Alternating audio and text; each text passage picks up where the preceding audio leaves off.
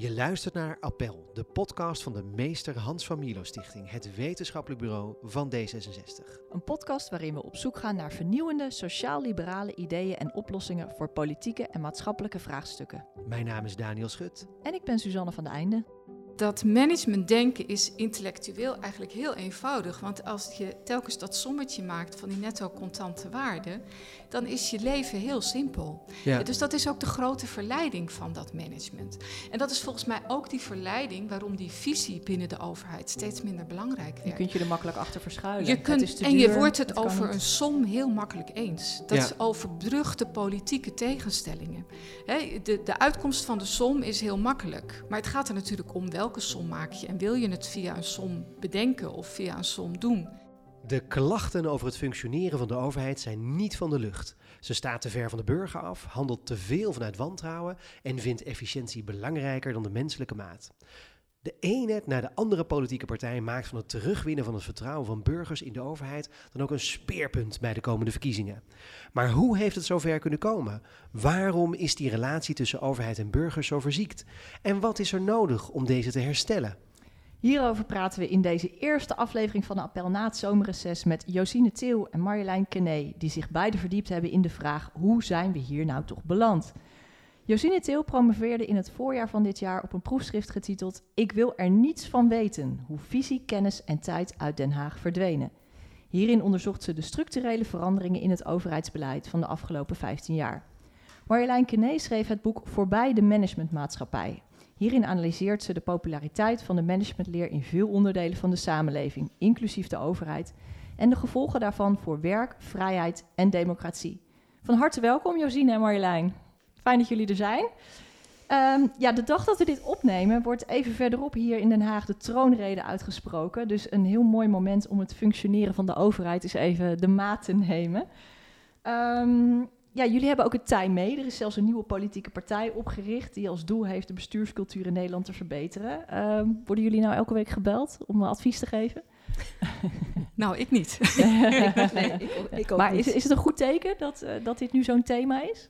Ik denk dat het een goed teken is. Dat, uh, het is altijd belangrijk dat een onderwerp op de politieke agenda komt. En dat gaat altijd vooraf aan het oplossen en het verbeteren van de problematiek die erachter ligt. En, en dus het, is goed dat, het Aan, ja, dat er veel aandacht voor is. En zegt het ook wat over hoe hoog het mensen zit, de bevolking, maar ook politici misschien zelf? Ik denk het wel. Ik denk dat het uh, uh, heel veel mensen zit het natuurlijk hoog en daardoor politici ook.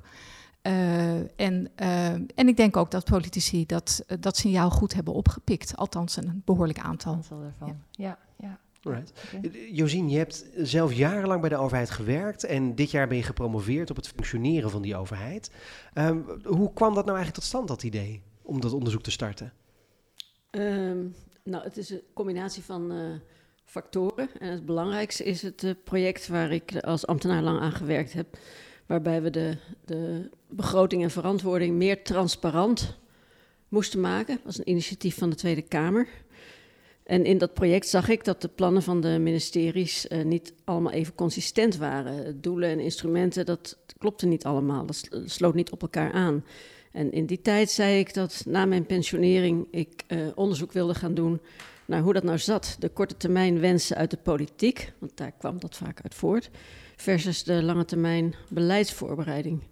Maar ook mijn eerste twee banen waren daar wel aanleiding voor. Want in 82 en ook in 88 mochten we veel kritischer naar voornemens kijken. En was kennis veel belangrijker en was veel meer tijd voor beleidsvoorbereiding. Maar dit vind ik interessant. Dat je zegt dus, uh, nou, je eerste twee banen in, in 82 was dat. Ja. Um, dan mag je dus als ambtenaar mag je blijkbaar kritischer zijn op wat de politiek aangaf. Het is een combinatie, combinatie, van factoren, denk ik. Het, uh, waren, het, was een, het, was een, cultuur bij de Rijkswaterstaat met de hoge ambtenaren die ook wilden. We werden eigenlijk als ploeg jonge ambtenaren binnengehaald om kritisch naar de Rijkswaterstaat te kijken. Ja. Dat was de tijd van Amelis Weert. En dat, dat flapte ik eruit tijdens mijn sollicitatiegesprek van... Waar denk je aan als je aan Rijkswaterstaat denkt? Nou, Amelis Weert. Ja, zie, zo dat, iemand moet ik, Ik heb zelf geen idee. nee, kan je dat toelichten? Ja. Bij Amelis Weert denk ik nu aan de verbreding van de A27. Nou, het was in die tijd speelde dat ook al. Uh, was er ook een verbreding, of een aanleg van de A27 zelfs, uh, waar heel veel actie tegen gevoerd werd. En nou ja, dat was voor mij een symbool van Rijkswaterstaat. Actie tegen, of beleidsvoornemens die niet aansloten bij de wensen in de samenleving. Ja, ja. En, en dat was dus voor jou de, de trigger om te zeggen: ik ga hier een promotie over schrijven als ik klaar ben met werk. Nou, toen nog niet hoor. Toen begon ik pas net. Oké, ja, dat is. Uh, ja, ik, zie, ik zie Marjolein trouwens knikken uh, bij Amelis Wereld. Ja, en, uh, dezelfde ja? generatie. Hè? Ik woonde en studeerde toen in Utrecht en was betrokken bij de acties tegen Amelis Wereld. Echt? Ja, natuurlijk. Wat ja, jullie vinden elkaar hier eigenlijk. Dat, was het, dat, dat ging natuurlijk om het beschermen van, ja. van, van ja. dat landgoed. En beuken kunnen niet tegen uh, het omhakken van de, de buurman beuken, zeg maar. Is dat zo? En, oh. en dus dat, dat was gewoon, dat leefde zo ontzettend in de hele stad. En, uh, en het, het ergste was er eigenlijk dat Rijkswaterstaat op dat moment niet in staat was om alternatieven te ontwikkelen. Ja. Dus uh, elke keer werd er gezegd: nee, het alternatief is duurder of het alternatief kan niet. Of, en dat verhoogde de weerstand tegen het plan van Rijkswaterstaat. Ja, precies. Het is de ja. A27 geworden. Ja. Oh ja. Maar en met die beuken is het goed afgelopen of niet? Nee, nee. nee. Amedesweert is gewoon kleiner geworden. Ach, en de ja. sterfte van de bomen is daar aan de hand. En dat is wat nu weer speelt. Ja, ja, ja. dat is uh, ja. Hey, in, in 2018, je schreef het boek Voorbij de Managementmaatschappij. Ik, ik bespeur eigenlijk bij Josine een soort van ja, verbazing liep ze rond op het werk en dat triggerde als het ware de promotie. Ze schudt nu nemen, daar wil ik het zo nog over hebben. En, jij bent zelf manager geweest. Waar, wanneer en was dat ook zo'n soort verbazing of frustratie misschien? Nee, uh, ja, ja, nee. Ik ben uh, manager geweest uh, voor de ontwikkeling van duurzame energie binnen Nuon. En het ging echt om business development. Want toen was het idee nog van, ja, uh, een elektron uit een kerncentrale is hetzelfde als een elektron uit uh, duurzame energie. En ik heb daar toen aan gewerkt dat dat uh, met die certificates of origin twee verschillende producten werden, die ook nu als oh, twee verschillende ja. producten verhandeld worden op de, op de energiemarkten. Maar omdat ik manager, omdat ik dat deed, werd ik door Nuon naar een MBA gestuurd. Een Master of Business, master of Administration. En, ja. um, hoe heet het? En dat vond ik als historicus, wat ik daar leerde, dat vond ik zo raar. Ik dacht van. Noem eens wat. Wat vond je? Nou, het, uh, het volstrekte eenzijdige nadenken alleen over de financiële resultaten. Uh, dus elke beslissing nemen aan de hand van een netto contante waarde. In plaats van dat je daar ook normatief iets van kunt vinden of dat je andere overwegingen meeneemt. Elke overweging in die hele management ging altijd over wat is uiteindelijk de netto contante waarde. En je kunt er eindeloos over praten van welke aannames neem je, hoe welke termijn neem je enzovoort. Dus ja, ik vond het intellectueel eigenlijk niet zo interessant. Ja. Ik bedoel, het, uh, ja. het ja. is heel simpel. Ja. Stelde je daar toen vragen ook bij aan, aan, aan professoren? Of, of hoe, uh... Soms wel en soms niet. Soms was het ook gewoon van uh, laat maar. En andere momenten dacht ik, oké, okay, dit doe ik gewoon. En ik vond het wel heel interessant om die manier van denken te zien ja. in, in mijn omgeving. Want daardoor ging ik wel opeens begrijpen hoe dingen gebeurden. En begreep ik later ook waarom Nuon werd overgenomen door andere bedrijven. Omdat uh, het geld opleverde. Omdat dat geld opleverde. Hè? Dus je gaat op een andere manier naar de wereld kijken dan ik als historicus was gewend. En juist als historicus vind je dat interessant natuurlijk. Dus, ja. ja. ja. En kon je, daar, kon je daar afstand van houden? Of werd eigenlijk soort verwacht dat je ook zo ging denken? Nou, natuurlijk werd er verwacht ja. dat je daarin meedeed. En tegelijkertijd wordt er dan ook van je verwacht dat je daar dan ook weer afstand van neemt. Want iedereen heeft zijn eigen opvattingen natuurlijk. Ik vond dat best lastig. Ja, ik wou net zeggen, dat lijkt dat me best vond ik best lastig. Ja. ja. Ja. Kan je voor de lekers uitleggen, wat is dan netto contante waarde? Een netto contante waarde is eigenlijk dat je van tevoren bedenkt... wat gaat het me kosten en wat levert het me op? Ja. En als het je meer oplevert dan het je gaat kosten... dan is de netto contante waarde groter dan nul, dus positief. En dan ga je dat project of die activiteit uitvoeren. Ja.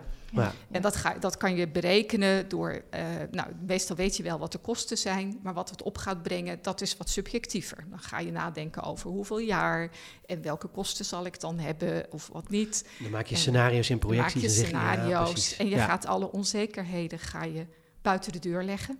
Ja. Uh, dus die ga, je in, die ga je bij anderen neerleggen in, een, uh, ja, in contracten of dat ga je wegduwen. Oh, dus dat is, dat, dat, dat, dat is wat je daar leert. Dat je, ja, ja, precies. Je, je weet niet zeker of deze brug tegen deze kosten gebouwd kan worden.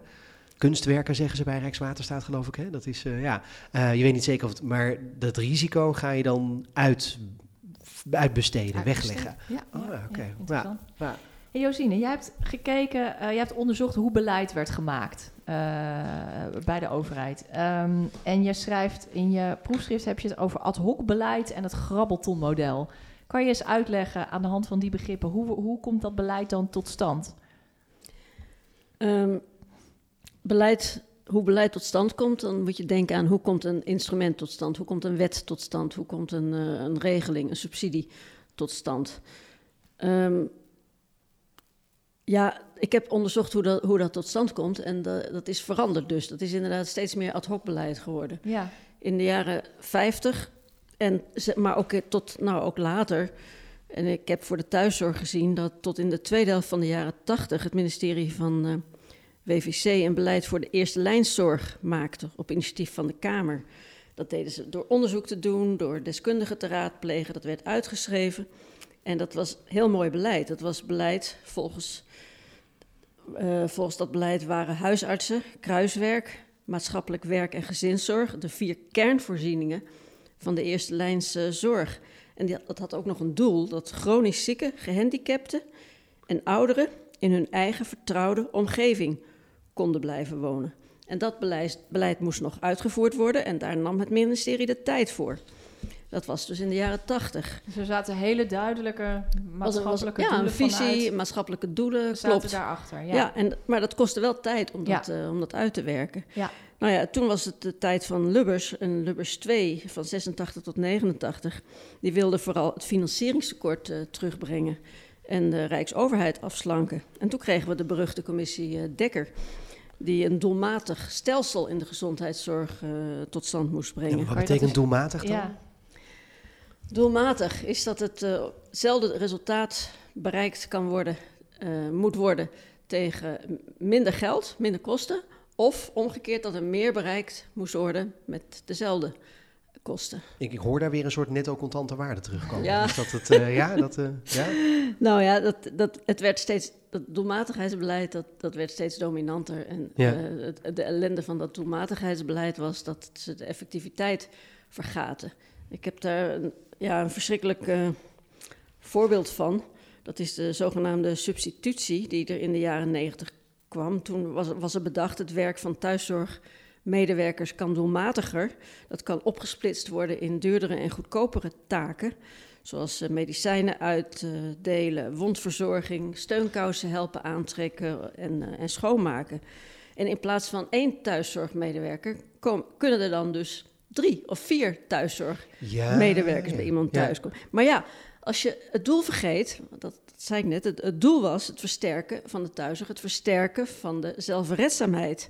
Dat doel is natuurlijk helemaal uit zicht, want het gaat alleen nog maar om de efficiency. Er is minder tijd voor de patiënt, er is eh, versnippering van taken. Ze hebben reistijd allemaal, er moeten taken overgedragen worden. Dus in plaats van dat het doelmatiger wordt, wordt het ondoelmatiger. Want Het is al die minder prettig voor de patiënt als er vier mensen op nou, een dat is vreselijk voor de. Ja. voor de patiënt. Ja, dat heb ik bij mijn ouders eh, inderdaad ook gezien. Maar dat, dat is dus de zogenaamde doelmatigheid die bijna altijd de ondoelmatigheid versterkt.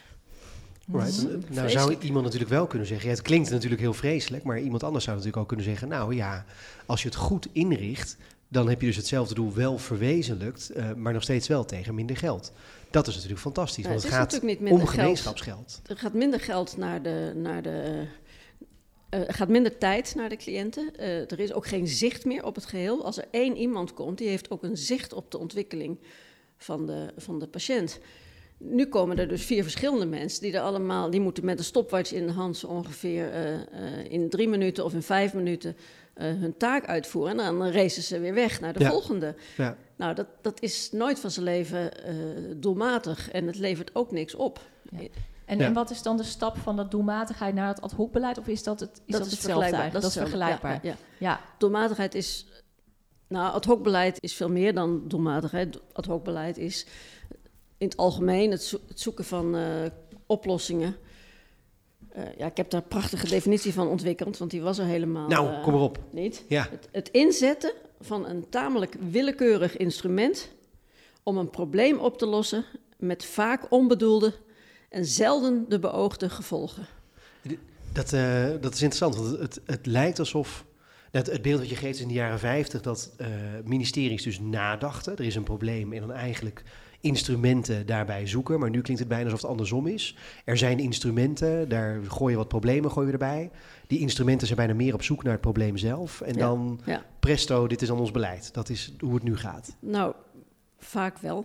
Alright. Thuiszorg heeft meer van dat soort voorbeelden. Die ik, ik heb een aantal van dat soort instrumenten beschreven. En de meeste gaan in de jaren negentig gaat het allemaal op die manier. Ja. Er wordt een instrument bedacht en dan wordt het uh, uitgeprobeerd. En een paar daarvan die zijn zo absurd. De knip en de flexibilisering. Dat, dat, die worden dan gelukkig nog wel binnen een jaar weer afgeschaft. Wat bedoel je met de knip en de ja, flexibilisering? Dat, dat gaat, ik, ik noem ze, maar ik had het niet moeten noemen, want ik... Ja, nu wil het weten. Ja, precies. Ja. Ja. Ja. ja. ja. dan moet ik hem opzoeken. Oké, nou, dat is... Marjolein, in de tussentijd... Uh, ja, nou weet je, ik zit, ik zit hier over na te denken. Wat je heel veel ziet bij die instrumenten vanuit de overheid... is dat er geen onderscheid meer gemaakt wordt tussen een product en een dienst. Een product is iets wat eenzijdig kan. Hè? Dus je kunt eenzijdig een koekje bakken en dan zie je wel of het verkocht wordt. Maar een dienst is iets waarbij je de patiënt of de cliënt of de leerling of wie dan ook nodig hebt. Ja. En dat is natuurlijk typisch zo in die thuiszorg. Je kunt thuiszorg niet als een product zien wat in vijf minuten een steunkous aantrekken is. Thuiszorg is een dienst. En waar je altijd de wisselwerking hebt met de, uh, de patiënt of de cliënt. Uh, want misschien uh, is er wel iets heel anders op dat moment met die patiënt aan de hand dan de, dan de steunkous. Je kunt niet uitgaan van iets wat je, je kunt niet. Dus is het managen en het standaardiseren daarvan is eigenlijk onmogelijk. En dat is wel de hele tijd wat men probeert te doen. Dit is een heel bedrijfskundige benadering hoor, om er zo naar te kijken. Maar zo, zo zie ik wel dat heel veel overheidstaken en diensten, die zijn veel meer als product georganiseerd. Het wordt soms ook letterlijk gezegd, het product onderwijs. En de leerling ziet maar dat hij leert. Want je hoort ook bij, bij uitvoeringsorganisaties, dan heb je een dienstencentrum en dan ben je, heb je een klantcontactcentrum. Dan ben je, krijg je een servicemedewerker aan de lijn als je dan belt met de Belastingdienst of het UWV. Ja, dat is, um, ja maar belasting betalen is natuurlijk misschien juist wel weer een soort van oh product. Maar thuiszorg bieden is bij uitstek een dienst. Onderwijs geven is bij uitstek een dienst. Uh, huisartsenzorg is een dienst. Je merkt dat bij de overheid dat verschil niet, niet meer zichtbaar is. En een overheid gaat zichzelf ook steeds meer als organisatie zien. En een overheid is natuurlijk niet alleen een organisatie. Een overheid is ook, uh, ja, Tjenke Willink zegt dan normatief. Hè? Mhm. uh, je bent er om bepaalde dingen te doen, om, om inwoners, burgers te beschermen.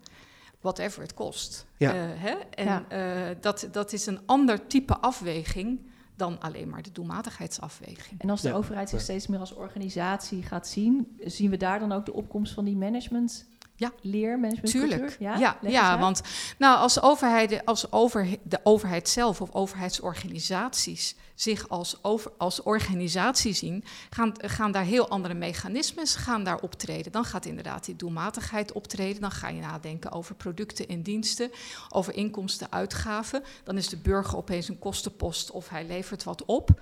Ja, dan, is de, uh, dan ga je op een heel andere manier met je inwoners om dan wanneer je zegt, nou dat zijn zelfstandig nadenkende burgers die politieke rechten hebben, uh, die, uh, als, waar je als overheid een zekere zorgplicht en beschermingsplicht voor hebt.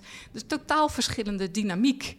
En uh, nou, doordat een overheid zich meer als organisatie gaat zien, worden die managers ook steeds belangrijker binnen die overheid. Maar is het niet zo dat de overheid ook wel de verantwoordelijkheid heeft om kosten in de gaten te houden? Ik bedoel, de schatkist is op een gegeven moment leeg. Uh... Tuurlijk, dat is altijd een overweging, maar het mag nooit de enige overweging nee, dat, zijn. Dat is, het, dat is het echt als zolang, uh, wanneer dat de enige of de belangrijkste overweging wordt, die kosten, dan kom je dus met dat Dan kom je in een ander soort dynamiek terecht, want dan is dat het, hetgene wat er de hele tijd het belangrijkste is. Ja. En natuurlijk is het een overweging. Maar als het de enige wordt, dan verlies je uit het oog waar je als overheid voor bent. Ja, Josine, de knip. ja, de knip was het overplaatsen van een subsidieregeling van, het ene, uh, van de ene schot naar het andere schot in de, in de financiering van de gezondheidszorg. En de, het doel was eigenlijk om de AWBZ te ontlasten. De, voor, voor mensen die niet meer weten wat de AWBZ ook alweer was, want dat is ondertussen natuurlijk helemaal gewijzigd, geloof ik. Hè? Algemene wet ja. bijzondere ziektekosten. Ja, ja, ja. daar werden volgens mij de, de voorzieningen die iedereen krijgt uitbetaald in de ziektewetregelingen. Maar daar weet ik niet zoveel van hoor. Nee, ja. Ehm, nou ja, de bedoeling was dat dat uh, van, van die knip was dat het daarmee goedkoper zou kunnen worden. Nou ja, eigenlijk om, om de AWBZ te ontlasten. Maar de, de, iedereen, de uitvoerende partijen, hadden allemaal twijfels over de uitvoerbaarheid. De, de, Nationale Raad voor de Volksgezondheid. Het was, niet, het was niet uitvoerbaar. Maar ja, het stond in het regeerakkoord van, uh, van Lubbers, uh, nee, van Kok, uh, van Kok 1. Dus ja, het moest toch uitgevoerd worden. Nou, hij is ingevoerd, maar meteen weer afgeschaft ook eigenlijk. Oké. ja. En dat heeft wel heel veel gedoe voor de instellingen opgeleverd. Omdat je dan ineens weer bureaucratische regels krijgt, dingen anders moet inrichten en je komt niet meer aan normaal werk toe eigenlijk. Dat is sowieso het probleem van veel overheidsbeleid. de onbetrouwbaarheid van de overheid. Dan komt er weer deze regeling en dan komt er weer een volgende regeling. Ja. Ja, nu hoorden we Marjolein net zeggen van doelmatigheid kan op zich best een criterium zijn als er maar gebalanceerd wordt met alle andere criteria, zoals effectiviteit en visie en dat soort dingen. Als effectiviteit maar het eerste criterium is. Dat is het eerste criterium volgens jou. Ja. Nou ja, ja en daar, dat gaat, daar gaat, zou een visie aan vooraf moeten gaan. Ja, maar waarom is visie dan zo belangrijk? Dat is misschien een beetje een open deur, maar waarom? Visie uh, is nodig om de richting van het uh, beleid uh, te bepalen. Ja. Anders gaat het toch wel een beetje als een kip zonder kop. Uh... En, want dan is namelijk een belangrijke vraag wel. En dat is misschien wat, wat denk ik veel luisteraars zich nu ook afvragen. Um, visie welke kant op dan? Er zijn namelijk verschillende visies. Uh, wat je met de verzorgingsstaat zou kunnen, welke kant je op kan. Uh, welke visie dan? Dat is toch voornamelijk aan de politiek om dat te om die in te vullen. Ja, ja, dat klopt. ja. Ja, dit, dat, dat kan ik niet doen. Ja. Ik ben een eenvoudige onderzoeker, dus... Uh. En waarom verdween die, die visie dan? Of tenminste, misschien, want op zich zou je kunnen zeggen... Uh, doelmatigheid is ook een visie. uh, hè, waarom, waarom of verschoof die, die visie dan zo? Hoe, wat ben jij daarover tegengekomen in je onderzoek?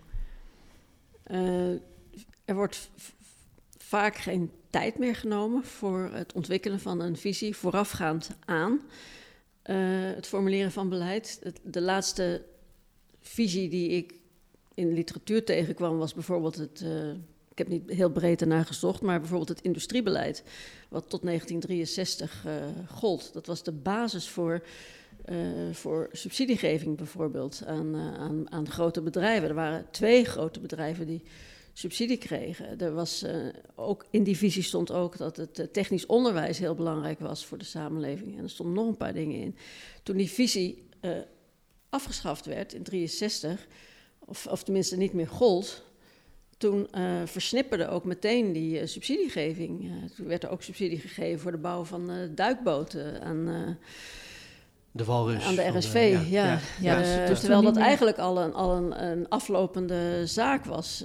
nou ja, ik, ik stel mijn vragen over de huidige subsidiegeving in coronatijd. Van, ik heb er alleen maar vragen bij gesteld. Ik heb daar geen antwoorden op. Maar van welke visie ligt daaronder? Nou, er ligt niet echt een visie en bedoel je bij de, de subsidie die um, bedrijven kregen die schade leden als gevolg van de lockdown? Ja. ja. Ik schrik hier enorm van dat, je, dat we dus eigenlijk geen visie hebben gehad uh, nee, dat sinds nou ja, ik 1963. Het, dat is, ja. Uh, ja. Ja, ik ook, ja. ja, ja. dat, dat, is 60 jaar geleden. Ja, is, komt die visie nu misschien wel, wel wat meer terug? Ik denk even aan, aan heel veel politieke partijen die bestaanszekerheid bijvoorbeeld nu als thema omarmen. Uh, maakt dat de weg vrij voor als, als het straks in een regeerakkoord terechtkomt? Nou, uh, ik, ik hoop het. Ik hoop het van harte, want uh, ze roepen het inderdaad allemaal wel. Ik heb zoiets van eerst zien dan geloven. invullen wat je daarmee bedoelt ook. ja, ja. ja. Marjolein, jij spreekt over de modelmanager ja. in jouw boek. Leg eens uit. Ja, um, ik, uh, ik, was op zoek naar een manier om uh, heel scherp analytisch neer te kunnen zetten wat dat management nou is. Zonder daarbij heel kritisch te zijn over mensen die dan nu managers zijn. Want dat zijn gewoon mensen van vlees en bloed die gewoon dagelijks hun werk zo goed mogelijk proberen te doen. Maar die modelmanager wilde ik wel heel, ja, heel scherp neerzetten. En uh, nou ja, wat ik dan in mijn boek beschrijf, is dat, dus, dat dat iemand is die aan de hand van de, de netto contante waardeberekening zijn uh, beslissingen neemt. Voor wie de begroting altijd leidend is. Die denkt over uh, hoe die iets voor elkaar kan krijgen bij andere mensen in termen van prikkels. Ehm, prikkels. Oh, leg het, prikkels. Ja, ben ik Ja, Nou ja. ja, je krijgt, dat is wat je de hele tijd ook ziet in de politiek. Hè, van, je kunt iemand een hogere beloning geven en dat is dat een prikkel. Je kunt iemand een lagere uitkering geven als een prikkel om aan het werk te gaan. Ja, ja. Nou, dus Ja. eh, op, op die manier kijkt naar, naar de wereld. En een, een manager die kijkt ook altijd, zoals hij zegt, naar de, naar de, hij heeft focus. Hè? Hij kijkt naar de hoofdzaken, de 80-20 regel.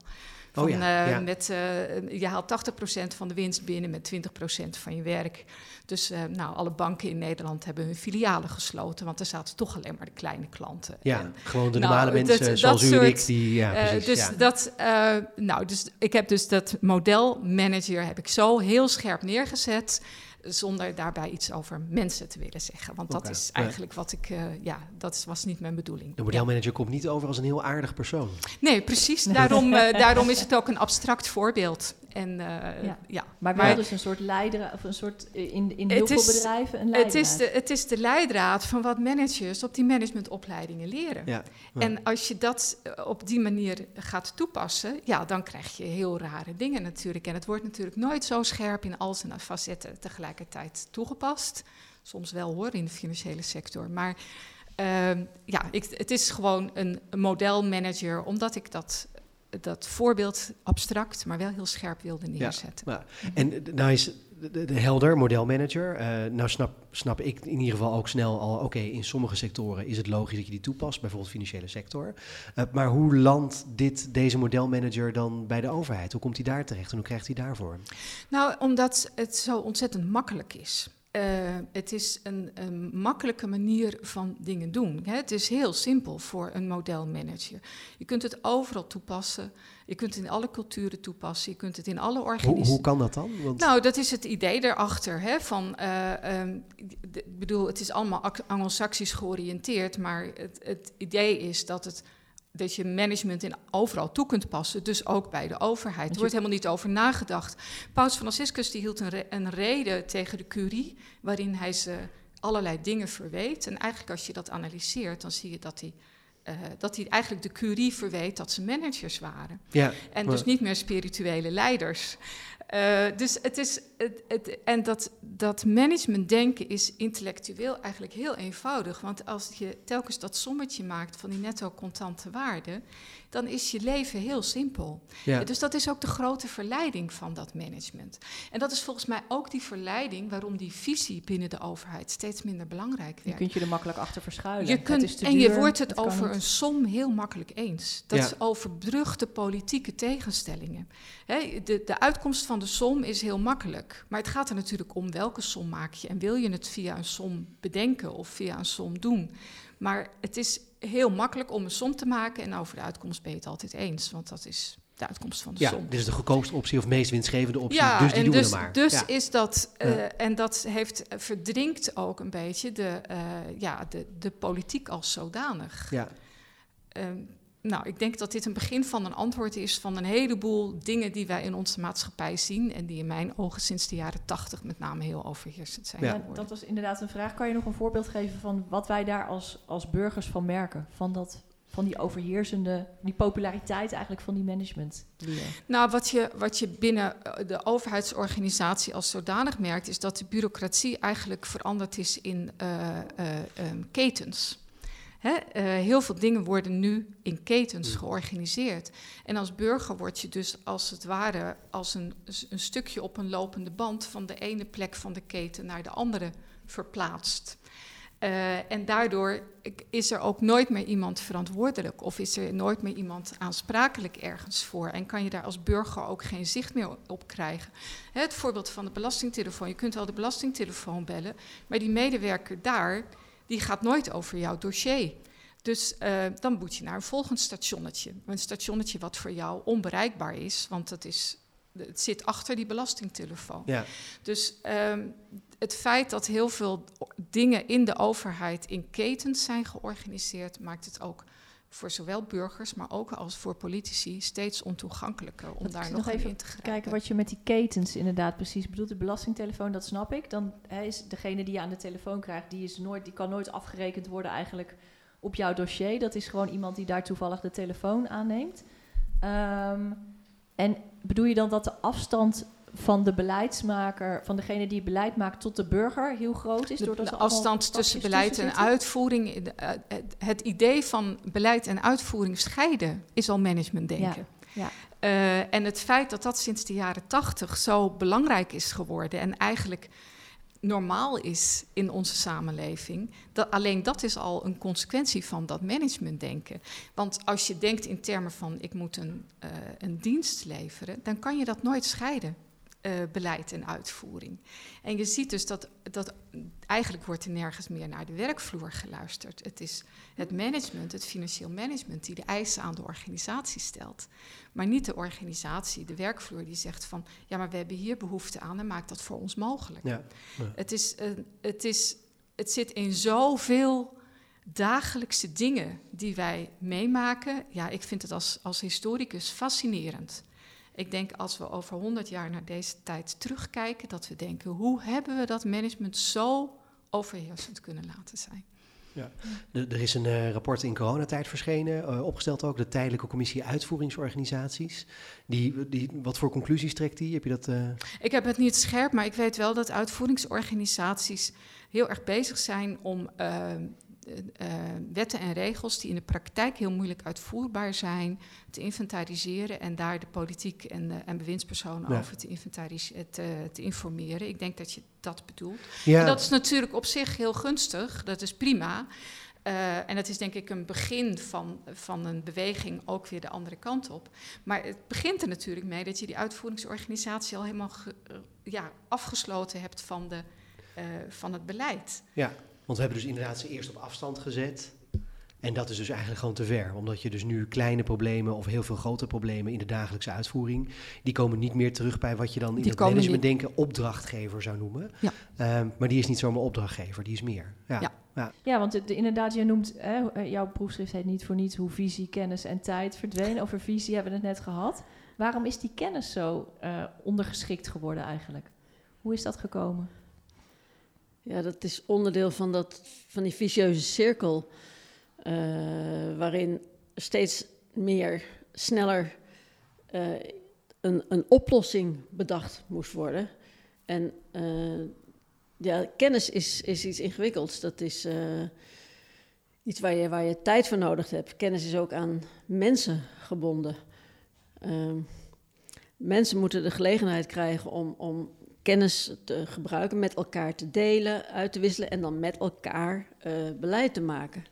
Ja, hoe dat zo verdwenen is, vooral door, door de haast, denk ik. En natuurlijk een aantal ontwikkelingen binnen de overheid. Misschien ook wel dat managementdenken, of zeker dat managementdenken.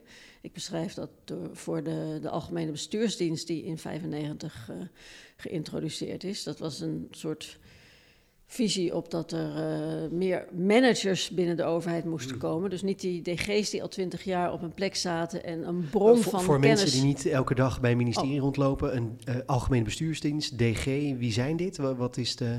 Een DG is de hoogste inhoudelijke ambtenaar van een departement. Je hebt de, de secretaris-generaal, de SG, die is de baas van de hele organisatie.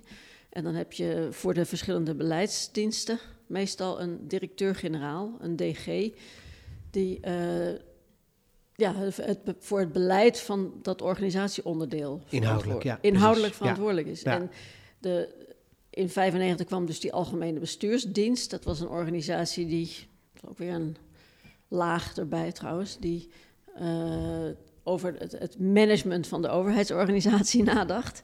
En uh, dus ja, op een gegeven moment de, de, het verhaal ging verkondigen dat uh, iedere overheids, iedere leidinggevende, iedere directeur, directeur iedere directeur-generaal moest alle organisatieonderdelen kunnen aansturen. Die, wat was een algemene manager en kennis werd daar ondergeschikt aan. Dus tot en met 1995 dus was het idee een DG wordt DG omdat zij of hij heel goed het, veld kent. Dus bijvoorbeeld bij Rijkswaterstaat, dat zou ja, moeten eerder, zijn. Het houdt, begint al eerder uh, minder te worden. Maar, maar geleidelijk aan wordt dat, wordt dat inderdaad minder. Dat kennis uh, een dominante factor is. En kennis en persoonlijke vaardigheden en empathie. En, ja. Uh, ja. En, maar dus met de introductie van de algemene bestuursdienst was het idee, die DG's die moeten telkens als een soort, in een soort carousel heen en weer. Ja, Eén jaartje doen ze infrastructuur en dan doen ze een nou, jaartje zorg. Ik geloof een jaar, maximaal vier jaar of zoiets. Okay, gemiddeld, gemiddeld zoiets. Oké, dat is drie, vier jaar. Ja. En dan moet je dus daarna maar in een heel ander dossier moet je zien te opereren. Dat is, uh, dus, dus kan je ah, nooit meer die wijze directeur-generaal worden die die van alles wat weet, die een groot netwerk heeft op het terrein, die mensen met elkaar in contact brengt, die zegt ga je kennis ook eens daar halen. Dat soort dingen. Ja, nou zijn er natuurlijk ook mensen die de Algemene Bestuursdienst juist een goede oplossing vonden voor een probleem destijds. Namelijk dat je dus inderdaad DG's had die jarenlang op één dossier zaten, een informeel netwerk verzamelden, dus eigenlijk een beetje ondemocratisch en ontransparant. Beslissingen konden doordrukken misschien wel. Hoe, hoe zie jij dat? Nou, ik zie de meeste ambtenaren toch als zeer integere figuren. In ieder geval in mijn tijd, die hun kennis vooral gebruikten om, met, met, uh, om te zorgen dat er goed beleid uit, een, uit de organisatie kwam. En dus ook de minister weerwoord gaven. Maar als de minister zei dat er echt iets anders moest gebeuren, dan waren, zijn eigenlijk alle ambtenaren zo loyaal om dat toch uit te gaan voeren. Behalve als ze het er echt helemaal niet mee eens zijn. Maar dan houden ze ook de eer aan zichzelf.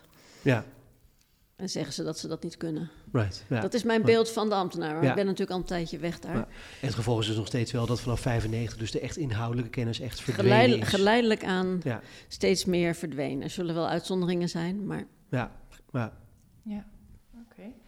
Ehm, Marjolein, Jij schrijft ook in jouw boek dat, um, je hebt het over de overheid, maar ook dat managers instrumenteel zijn geweest, of in ieder geval de management leer moet ik misschien zeggen, aan uh, de opkomst en groei van het aandeelhouderskapitalisme. Kan je daar wat meer over vertellen? Hoe is dat gegaan? Ja, dat was, nou, het was eigenlijk wel een van mijn de vragen waarmee ik met dat boek begon. Van, um, ja, hoe, hoe verhoudt zich nu wat er wereldwijd gebeurt in de financiële systemen met wat, uh, met wat er dagelijks in bedrijven gebeurt en wat ik zelf ook had meegemaakt in bedrijven. En als je daar dan over gaat nadenken, dan is uh, dat aandeelhouderskapitalisme, hè, dat is het, het, kapitalisme van Milton Friedman. Uh, de taak van de manager is zorgen dat de aandeelhouderswaarde of de aandeelhouderswinst toeneemt. En dat is eigenlijk ook wat de taak van de manager binnen bedrijven is. En op die manier is zeg maar dat hele grote macroniveau verbonden met de dagelijkse activiteiten van organisaties. En je ziet ook dat, dat managers, er zijn eigenlijk twee soorten managers. Er zijn managers die de financiële eisen stellen. De, en dat zijn degenen die dan dienstbaar zijn aan dat aandeelhouderskapitalisme. Die letten op de beurskoers en die zeggen, nou dit jaar moeten we zoveel eh, winst maken of moeten we zoveel rendement halen. En volgend jaar dat. En um, dat zijn de financiële managers die echt namens het financieel regime zeg maar de eisen stellen. En eigenlijk zijn zij werkzaam binnen een bedrijf, maar ten dienste van iets buiten dat bedrijf, namelijk die aandeelhouderswinst. En zij geven opdrachten aan managers binnen het bedrijf, die moeten zorgen dat dat operationeel voor elkaar komt. Uh, maar beide gebeurt in die managementleer. En dat is in feite hoe die, dat hele grote macroniveau verbonden is met wat er dagelijks in organisaties gebeurt. Dat was eigenlijk voor mijzelf de grote vraag toen ik begon met het schrijven van dit boek. Hoe zit dat nou in elkaar? En ik leg dat ook uit in het boek hoe dat met, uh, met nieuwe theorieën over hoe aandeelhouderswaarde bepaald wordt enzovoort uh, ondersteund werd. Ja. want eigenlijk zijn de kosten van het kapitaal voor een investering binnen een bedrijf is eigenlijk de winst die een aandeelhouder wil maken. Uh, want dat zijn de kosten voor het kapitaal. Nou, dat is, dan leg je het heel precies neer van zo is het met elkaar verbonden. Ja, ja. ja en je zegt, dat zei je net ook en dat schrijf je ook, je bent niet kritisch op die individuele manager, maar op management hè, als, als leidend model. Dan vraag ik me steeds af, hè, er zitten hier misschien wel managers te luisteren naar deze podcast. Um, wat, wat, wat moeten zij? Hoe kunnen zij dit doorbreken? Want het is, het is heel herkenbaar wat jij schrijft, maar het is ook tegelijkertijd het is zo verankerd in, in organisaties. Hoe, hoe, hoe hoe, kan je hoe kunnen ze dit doorbreken? Ja, het is, het is, dat is natuurlijk heel ingewikkeld. Want het is een, uh, het is een beweging die sluipenderwijs zo ver gekomen is. Hè. We kwamen vanuit een Rijnlands model waarin ook uh, andere uh, overwegingen heel erg belangrijk waren. En dat is het nu steeds minder. Het, voor een individuele manager is dat heel ingewikkeld. Ik denk wel dat het helpt om je als individuele manager bewust te zijn van je positie. Wat is je rol? Ben jij die financiële manager of ben je die operationele manager?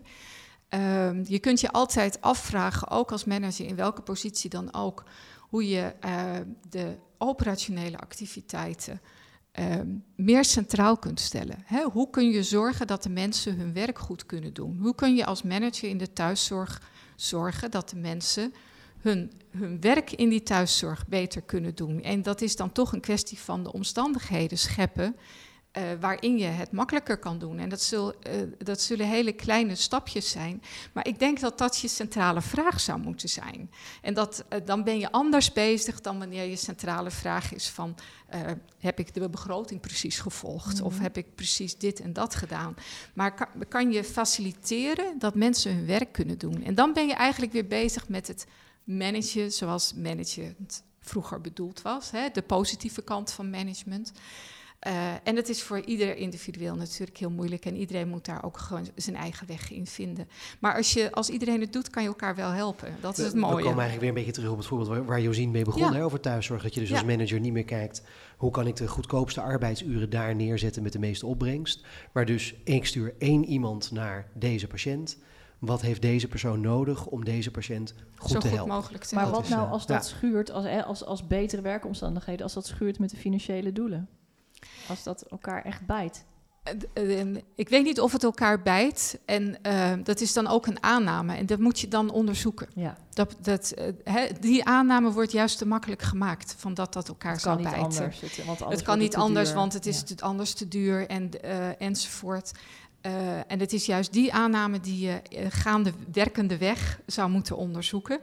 En uh, dat zijn kleine stapjes. En dan, kunnen er verschillende uitkomsten zijn als je dat onderzoekt. Eén uitkomst kan zijn dat het dus eigenlijk inderdaad uh, en effectiever en doelmatiger is om die beide criteria te gebruiken en misschien ook nog wel beter passend bij een menselijke visie op het bestaan. Um, dan ben je spekkoper als manager, want dan zeg je namelijk: kijk, doelmatigheid is belangrijk. Dit blijkt en doelmatiger te zijn en het werkt gewoon beter.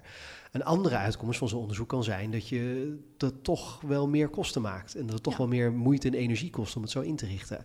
Ja. Wat doe je dan als, als manager? Nou, dat, dan, dat, dan is de vraag, ben je wel doeltreffend? Hè? Dat is mm. de, de, belangrijkste. Heb je wel je doel bereikt? Want het kan best zijn dat het wel duurder is, maar dat je dan wel je doel bereikt. En anders wat goedkoper, maar niks bereikt hebt. Ja. Dus dat, uh, die vraag moet altijd centraal staan. En het is dan altijd een afweging. En dat is dan de afweging waarover je met elkaar in de discussie gaat en, enzovoort. Maar waar ik me juist tegen verzet, is dat die discussie niet gevoerd wordt. Ja. En dat die alleen ja. maar langs financiële lijnen gevoerd ja. wordt. Ja, precies. Josien, jij zat daarbij, uh, jij reageerde erop. Ja, nou, helemaal uh, mooi gezegd, ja. ja. Daar heb ik niks aan toe te voegen. Ja, maar het, het gaat dus ook om die discussie aangaan. Ja, andere criteria inbrengen, alleen doelmatigheid. Ja, en ik denk dat als je echt uh, doeltreffend bent... dat het uh, over het algemeen ook echt goedkoper is. Uiteindelijk op lange termijn weer. Even heel filosofisch, wat betekent doeltreffend eigenlijk precies? Het eh, bereiken van je doel. Dat je, dat je het probleem oplost misschien, of dat je... Nou, dat, dat je je doel, je doel bereikt, je, ja. je, dat je CO2-doelstellingen gehaald ja. worden, dat je, dat je de, de patiënten in de thuiszorg uh, uh, zelfs zelfredzamer worden. Ja. Uh, ja. Op, op die niveaus helder. en alles daartussenin, ja, denk ik. Helder. En Marjolein, jouw boek is uit 2018, dus vijf jaar geleden. Zie je al positieve ontwikkelingen? of zie je dat er al meer aandacht voor is? Of, want Hè, het wordt natuurlijk heel veel gesproken over, over bestuurscultuur of het functioneren van de overheid. Wordt dit al meegenomen? Nou, ik, kan, ik, ik vind het heel moeilijk te zeggen. Ja. Um, en zeker niet dat mijn boek daar nee, even... In ieder geval de aandacht voor het, voor het management. Ik denk, dat, uh, ik denk dat er meer, meer oog is voor de, uh, de, de zwarte kanten van management. Dat mensen dat beter gaan zien.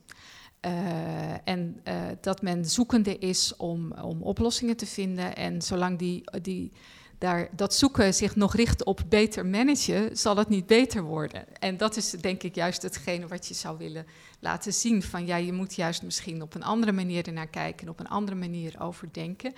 En, uh, maar ik denk dat, dat je wel Ehm, de, uh, ja, je, ziet, je ziet dat deze vragen meer leven in de samenleving dan vijf of tien jaar geleden. Hmm. Daar wordt echt meer over nagedacht. En je ziet ook dat er meer initiatieven zijn. Er zijn ook burgerinitiatieven. Uh, maar ook initiatieven binnen organisaties zelf. Hè. We hadden het net over die uitvoeringsorganisaties. Nou, dat was tien jaar geleden denk ik niet mogelijk geweest en nu wel. Dus je, je er zijn kleine zaadjes van verandering die ik wel degelijk zie. Heb je een concreet voorbeeld? Um, misschien dat voorbeeld wel van die uitvoeringsorganisaties, die nu de, uh, um, de mogelijkheid hebben, maar wat zelfs omarmd wordt, van laat zien waar je in de praktijk tegenaan loopt. Terwijl tien jaar geleden, ik werkte toen bij de Sociale Verzekeringsbank, was het juist heel erg andersom. Van uh, ja, uh, de minister wil dit, dus het moet zo gebeuren. Voer hem maar uit. Ja. En misschien was het wel helemaal niet dat de minister dat wilde, maar het was gewoon een top-down denken. Uh, waarbij er eigenlijk weinig behoefte was om na te denken van wat de werkvloer of uh, de, de, mensen in de uitvoering daadwerkelijk als probleem zagen. Terwijl je daar natuurlijk naar, juist naar moet luisteren om te zien hoe het anders of beter mhm. kan. Ja, ja want jij zei net inderdaad van er wordt er vaak toch een op, als oplossing wordt gezocht beter, uh, naar beter managen, maar op zich, een, dat is dan maar net van wat je als definitie van beter manager. Als ik denk aan wat een goede manager is, dan denk ik aan een manager die inderdaad juist niet alleen maar stuurt op dat geld, maar ook op al die andere dingen die jij noemt, hè, van fijne werkomstandigheden en, uh, en, en, dergelijke. Dus het is, uh, bedoel je dat meer van anders? Dat die nou ja. leer eigenlijk het management denken zelf, het denken over goede manager zelf zou moeten veranderen. Um, ja, maar daarom heb ik dus juist dat, dat, uh, dat concept van dat modelmanagement naar voren gebracht. Hè? Van, uh, dat is wat ik een manager noem. En het ja. andere is misschien een leidinggevende ja, of een zo. directeur. Ja, of um, ja, de, de, ja, maar echt dat management denken. En daar wordt je, je ziet toch ook nog vaak dat, daar, dat er ook weer in die reflex wordt geschoven. Hè? Van nou, we gaan het goedkoper doen, we gaan het efficiënter doen uh, enzovoort. Terwijl daar vaak niet de oplossing ligt. Nee. Dus het zit hem ook echt in dat woord manager. Ja, en daarom heb ik dus dat modelmanagement zo omschreven. Ja. En uh, om, juist omdat het zo'n vage term is die iedereen gebruikt uh, mm. op verschillende ja. manieren. Ja, ja. ja. ja. Dus als er ergens in de vacature staat uh, manager, dan moet je eigenlijk, eigenlijk de alarmbellen al afgaan. ja, bij, mij gaan ze, bij mij gaan ze af. Ja. ja, ja, Josien, voor jou ook, hè? Die, die vraag van als je kijkt, uh, nou ja, 82 zei was je begonnen, uh, lange tijd van reflectie daarvoor gehad ook. Uh, zie je, ja, misschien zie je daar ook lichtpuntjes in nu? Zie je daar wijzigingen in weer ten goede? Um, in 82 was mijn, begon mijn eerste baan. Hè? Ja. Toen is de tijd ja. van reflectie nog niet. Uh, nee, precies, maar je hebt ondertussen. ja. Die begon pas uh, in deze eeuw, ergens rond 2014, 15. Zie ik positieve ontwikkelingen? nou, er wordt inderdaad wel regelmatig uh, door de hedendaagse politici, zoals Timmermans, Jette, Omzicht, uh, geroepen van de nieuwe bestuurscultuur, moet meer lange termijn komen, moet meer visie komen. Dat, dat zijn de, de mooie dingen. Um, ik heb nog weinig gehoord, maar misschien heb ik dat gemist uit de politiek, hoe de nieuwe bestuurscultuur eruit zou uh, kunnen zien.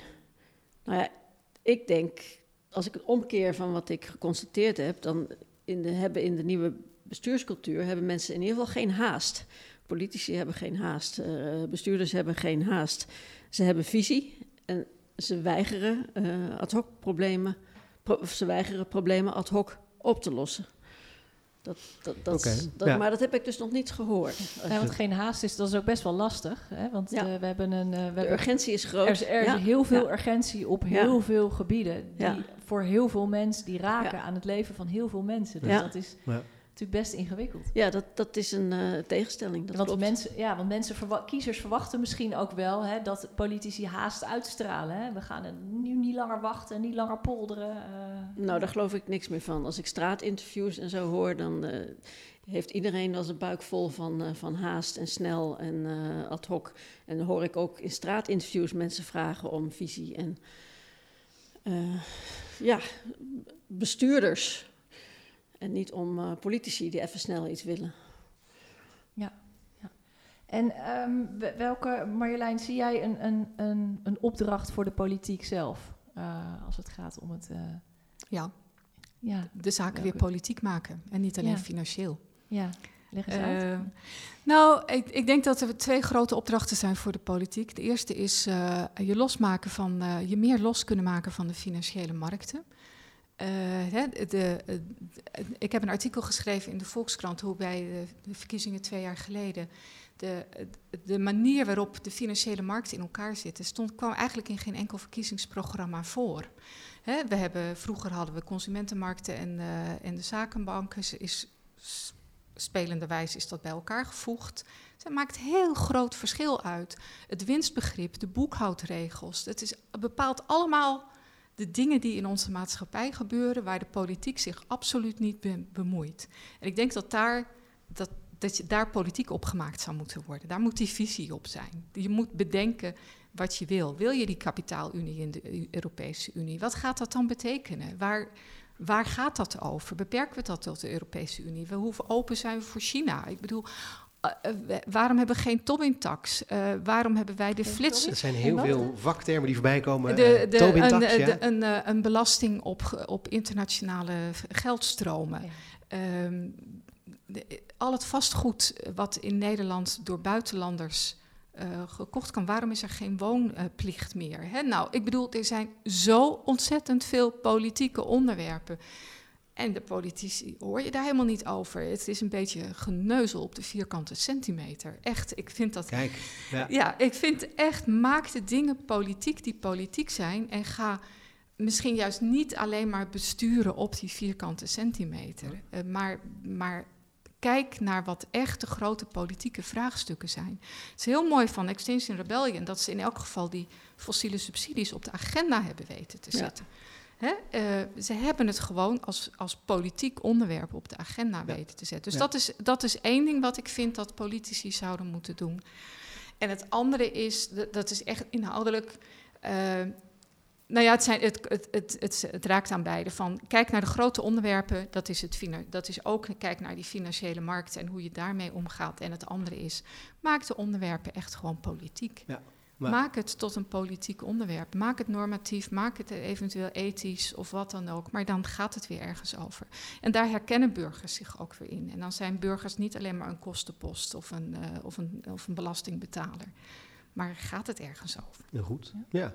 Dat is een ideaal bruggetje naar het einde volgens mij. Josine, ik stel de vraag eerst aan jou. Stel, je wordt eh, minister in het aankomend kabinet. Ja, het is nu Prinsjesdag, er komen verkiezingen aan. Dus het staat helemaal open. Er kan alles en nog wat gebeuren. Je wordt gevraagd om minister te worden in het aankomend kabinet. Wat zou jij dan doen om die trend te keren van het verlies van visie, kennis en tijd eh, in de overheid? Ik zou... Ehm, beginnen met een beleidsanalyse van het ministerie. Kijk, wat is dat? Wat doe je dan? Dan zou ik een overzicht willen hebben van welke lange termijn doelen heeft mijn uh, ministerie eigenlijk? Welke visie is er? Welke beleidsprogramma's lopen daar? Wat is het handhavingsbeleid uh, van de inspectie? En ik zou dan heel concreet dat op, de, op, de, op grote vellen op de muur van een, uh, van een grote zaal willen hebben. En daar zou ik dan ook nog per beleidsterrein op willen hebben. Welke beleidsafdelingen, welke onderzoeksafdelingen uh, werken daaraan? Welke namen, welke gezichten zijn dat? Welke kennis en ervaring hebben ze? Hoeveel tijd hebben ze? En um, ja, in, en dan zou ik daarnaast het, uh, het licht van het regeerakkoord, in het licht van het regeerakkoord op hoofdlijnen, dat is hopelijk echt op hoofdlijnen, zonder concrete instrumentjes die erin staan. Ehm, samen met de ervaren beleidsmedewerkers en inspecteurs. En met hen zou ik een analyse willen maken van, nou, uh, kunnen wij het uh, regeerakkoord, de, kunnen wij dat realiseren met wat er nu al ligt op het ministerie? Hebben we daar genoeg mensen voor? Hebben we daar de kennis voor? En, en nou ja, natuurlijk ook, klopt het nou wat er hangt? zijn deze lange termijn doelen realistisch? missen we lange termijn doelen? En dan zou ik die beleidsanalyse willen afmaken met, met, uh, met een plan van hoe we wel kunnen gaan werken aan een lange termijn beleid. Want ik begreep dat er toch bijna geen uh, lange termijn afdelingen meer zijn op de ministeries. Hoorde ik tijdens een interview met Binnenlands Bestuur. Dat, uh, ja, dat dat er gewoon niet is. Dus ik. Dus als minister vooral de visie weer oproepen. Nee, ja, ik zou willen weten, hebben we de visie? Uh, ik, daar, daarmee, je moet toch beginnen. En in plaats van dat de minister op een ministerie binnenkomt met... Uh, nou, ik wil dat en dat en dat... Uh, wil ik toch eerst een brede analyse van het hele beleidsterrein. Want vaak zijn er ministers die maar een klein deel van het beleidsterrein overzien. Dus je moet eerst het overzicht hebben van wat, wat is er nou eigenlijk? Wat willen we? Wat kunnen we? En hebben we daar de capaciteit voor? En dan moet je gaan werken aan de opbouw van een ambtelijk apparaat, want dat is voor een groot deel ook verdwenen. Inclusief de inspectie. Kunnen we wel handhaven wat we aan, aan, aan beleid hebben? Ja, helder. Marjolein? Ja, ik zou uh, misschien nog wel even willen nadenken voordat ik minister werd. En dan mhm. bedoel ik, uh, er is een paar weken geleden is er een advies van die commissie begrotingscontrole uitgekomen. Van die ambtenaren die uh, kijken naar wat de begrotingsruimte is. En je ziet dan direct dat dat gezegd wordt van dat is de agenda voor het nieuwe kabinet. 17 miljoen is de ruimte die er is en dat moet eigenlijk minder. Ik zou zeggen als minister, daar zet ik nou mijn vraagtekens bij. Um, ten eerste, hoezo? Wie, gaan politici er niet juist over of je de, of je de belasting moet, moet verhogen of niet? En ten tweede, er zijn een heleboel beleidsmaatregelen die je kunt nemen die onafhankelijk zijn van dit soort uh, afwegingen. Hè. Je kunt je grondpolitiek gaan doen de, uh, en in plaats van het uitkopen van boeren. Je kunt waanzinnig veel andere dingen doen. Dus ik zou een, uh, een wetgevend programma willen hebben. En waarom maken, hoe heet het, wordt het wel getolereerd van hoge ambtenaren dat ze die begrotingsruimte definiëren. Dit zou van een, van een wetgevend programma zou dat nooit geaccepteerd worden. Maar op dit punt wordt het wel geaccepteerd. En daar, ja, nou, daar, dus daar zou het voor mij beginnen dat ik al in de kabinetsformatie daarover de discussie zou aangaan met mijn eventuele toekomstige collega's. Van in hoeverre is dit leidend? Mag best een overweging zijn. En het is goed dat analytisch werk gebeurt, daar gaat het niet om. Uh, maar het mag niet de, de norm zetten voor een nieuw kabinet. En uh, daar, daar zou, uh, zou ik me op richten in eerste instantie. Mooi, hartstikke goed. Dankjewel. Hartelijk dank Marjolein Kené en Josine Theo voor dit gesprek.